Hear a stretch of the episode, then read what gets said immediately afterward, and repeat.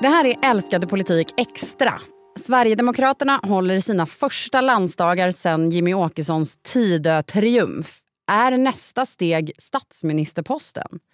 Om det ska vi prata idag. Jag, som heter Evelyn Jones, och Thomas Ramberg och politikreporter Hans Rosén på plats på ett kongresscenter i Västerås fullt med sverigedemokrater. Hallå! Hej, hej! Hej!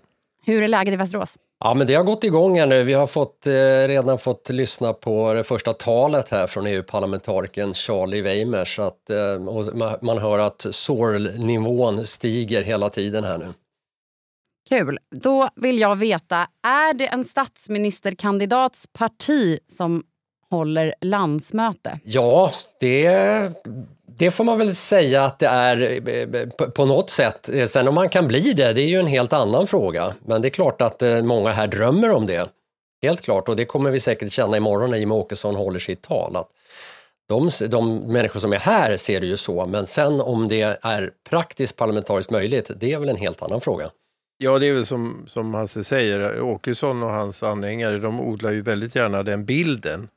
Eh, och de har ju faktiskt väldigt god hjälp också av sina politiska motståndare, socialdemokrater, centerpartister och, partierna till vänster. För de vet ju att den här, bara tanken på att Åkesson skulle bli statsminister kan få såna här rörliga mittenväljare att vakna kallsvettiga mitt i natten och eh, snabbt kasta rösten vänsterut. Men eh, ja, så att om SD själva får välja, då är det ett statsministerparti. Eh, men det finns mycket som talar emot det. Är det möjligt? Skulle Jimmy Åkesson kunna bli statsminister i nästa val, Thomas? Jag tror han kan glömma det. Mm. Och det vet han själv. Han, han lät faktiskt undslippa sig det eh, för inte så länge sedan när han var med på Riksdagsjournalisternas förening och talade. Eh, men han vill ju gärna upprätthålla den bilden för det är ju ett sätt att, legitimera, så att säga, bygga legitimitet och, och vara säker på att man får ministerposter åtminstone i nästa regering och blir högermajoritet. Men alltså det krävs ju då för att han skulle bli det, om vi tänker oss det scenariot en stund, att eh, majoriteten är beredda att släppa fram honom, sån är grundlagen. Och, och, om 175 ledamöter i riksdagen röstar nej så blir man inte statsminister. Dagens oppositionspartier skulle rösta nej, men med stor sannolikhet så skulle ju även de här andra grupp, i Tidögruppen, alltså moderater, liberaler och kristdemokrater rösta nej. Eh, och här är det nog faktiskt inte Liberalerna, ursäkta Liberalerna, men det är nog inte de som är det stora problemet här, utan det är nog Moderaterna. För eh, I deras värld så, så, är det ju en otänkbar tanke att ledas av en sverigedemokratisk statsminister men ändå sitta i regeringen. Så då hittar man nog en annan lösning i så fall. Ja, det finns ju en, eh, man, man, kan ta en kort historisk parallell eh, till det där. Det var ju 1979 var det ju så att Moderaterna blev störst i valet men Boman blev inte statsminister därför att Centern och eh, Folkpartiet, dåvarande Folkpartiet eh, vill inte ha, eh, ha, ha en moderat statsminister och de var tillsammans större. Ehm, då på den tiden var det Moderaterna som var den höger som skulle eh, hållas borta från statsministerposten. Ja, det är nog en, alltså om, om Tidöpartierna får majoritet i nästa val, då, då tror jag man kan utgå från att Sverigedemokraterna hamnar i regeringen. Alltså de får ett stort antal statsråd och sådär och särskilt om de blir större än Moderaterna. Om det, nu, det, det, det, är väldigt intressant hur en sån situation skulle utfalla. Det är inte alls säkert det blir en regering då. Men skulle man kunna säga att Liberalerna kunde vara ett litet frågetecken. De har ju just beslutat på, sina land, på sitt landsmöte, det är de som heter landsmöte, här heter det landsdagar, eh, att, att inte gå med på sverigedemokratiska ministrar. Men jag menar, vi har en viss erfarenhet av hållfastheten i liberala röda linjer och hänger deras existens i riksdagen på den där frågan så ska vi inte vara säkra på att det gäller längre.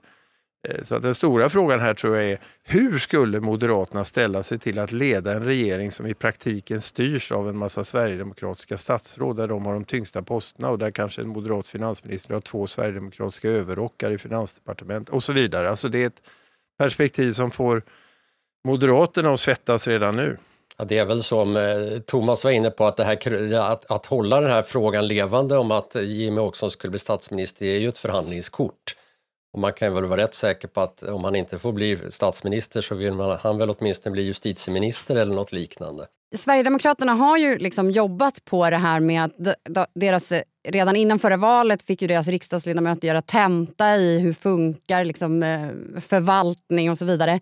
Och nu här har det varit en del diskussion, eller prat om det här med att de gör en del utbyten i partistyrelsen. Björn Söder till exempel åkte ut ur partistyrelsen. Så även Julia Kronlid som är ju SDs kvinna i talmanspresidiet. Är den här liksom rokaden i partistyrelsen en del av en satsning mot att bli mer regeringskompatibla? Eh, nej men jag tror att man delvis kan se det som ett, ett steg mot, mot eh, att, att bli mer och mer regeringsmässig, men jag tror också man ska se det som en någon slags psykologisk generationsskifte också. Den första generationen, eller inte den första, det var väl snarare den andra generationen, är ju den som Åkesson tillhör i partiet med Mattias Karlsson och Björn Söder med flera. Man ska komma ihåg då att de, då var det här ju en, ex, en liten extrem eh, rörelse långt ut på kanten, betraktades som i alla fall, och, och avskydda och utestängda och så vidare. Eh, och, och, det krävde liksom en viss typ av företrädare som stod pall för det där och som eh, tjusades det här att slåss i motvind. Nu är det ju liksom en annan generation som kliver in och som, som kan föra sig i maktens korridorer på ett annat sätt, som inte köper eh, sina kostymer på Dressmans rea utan är eh, synnerligen välklädda och välkammade och välformulerade. Ehm, eh, och, och, har ett annat, ett annat mindset. Vi har ju sådana som eh, partisekreteraren Mattias Bäckström Johansson, eh, Henrik Winge, en sån. Linda Lindberg, den nya gruppledaren, är ju typiskt en sån person som, som eh, hör till den, eh, den här nya vågen så att säga. Så det är ett generationsskifte kan man säga? Thomas? Ja, sen tror jag Björn Söder har väl ganska länge varit på väg ut i kylan.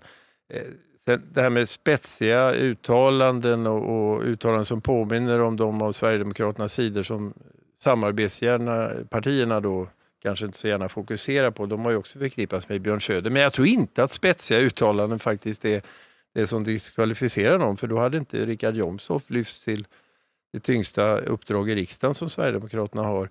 Utan det visar väl mest att just de här personerna inte längre har något inflytande och att partiet har vuxit så mycket så att det finns en massa människor som vill upp, aktivister som har visat framfötterna och som man tycker då eh, behöver få poster i partistyrelsen. Ni säger där att eh, stämningen har stigit redan här under morgonen när ni har varit hos Sverigedemokraterna. De har ju en anledning att vara eh, glada medan regeringspartierna har backat sen valet har SDs formkurva efter en liten nedgång ändå vänt uppåt igen eh, nu i opinionen. Men kan de sitta säkert i båten, Thomas?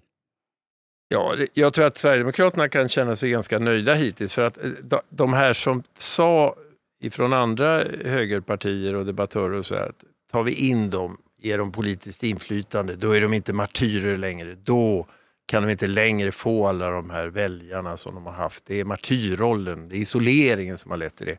Det där gäller ju inte längre, det ser vi ju. Nu har de inflytande, de växer ändå.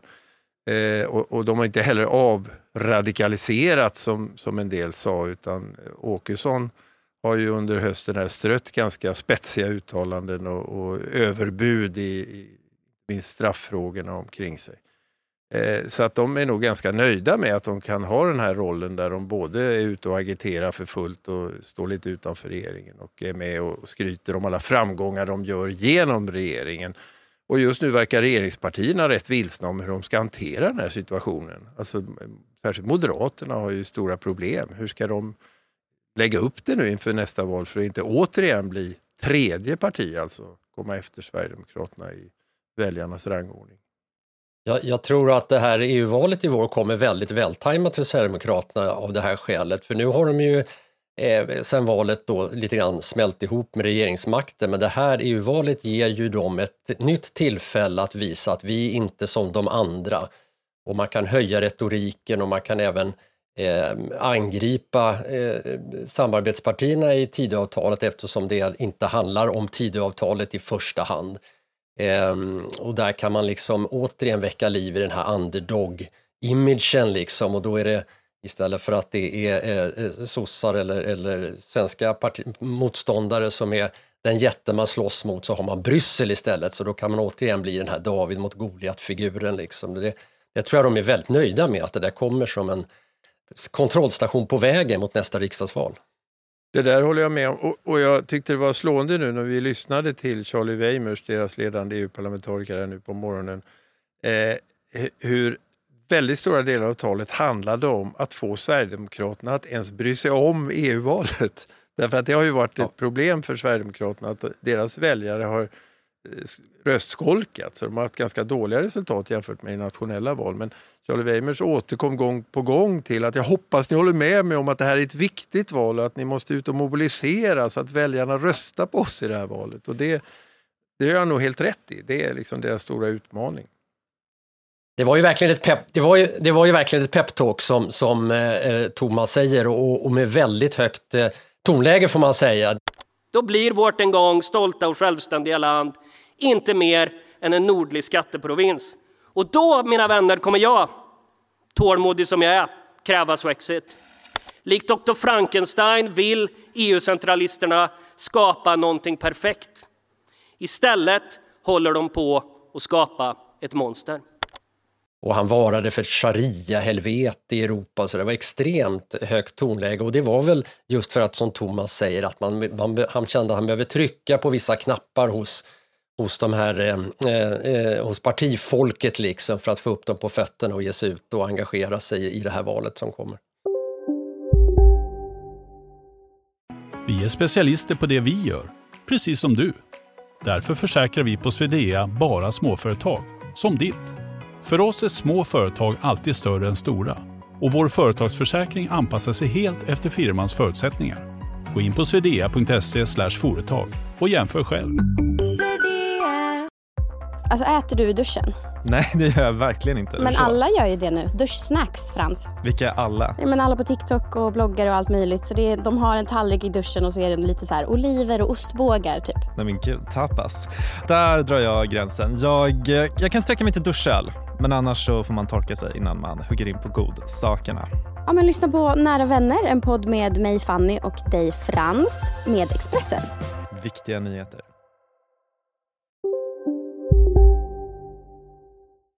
Och EU-frågan är ju en av frågorna då på landsdagarna, som du säger. Charlie Weimers har eh, talat här.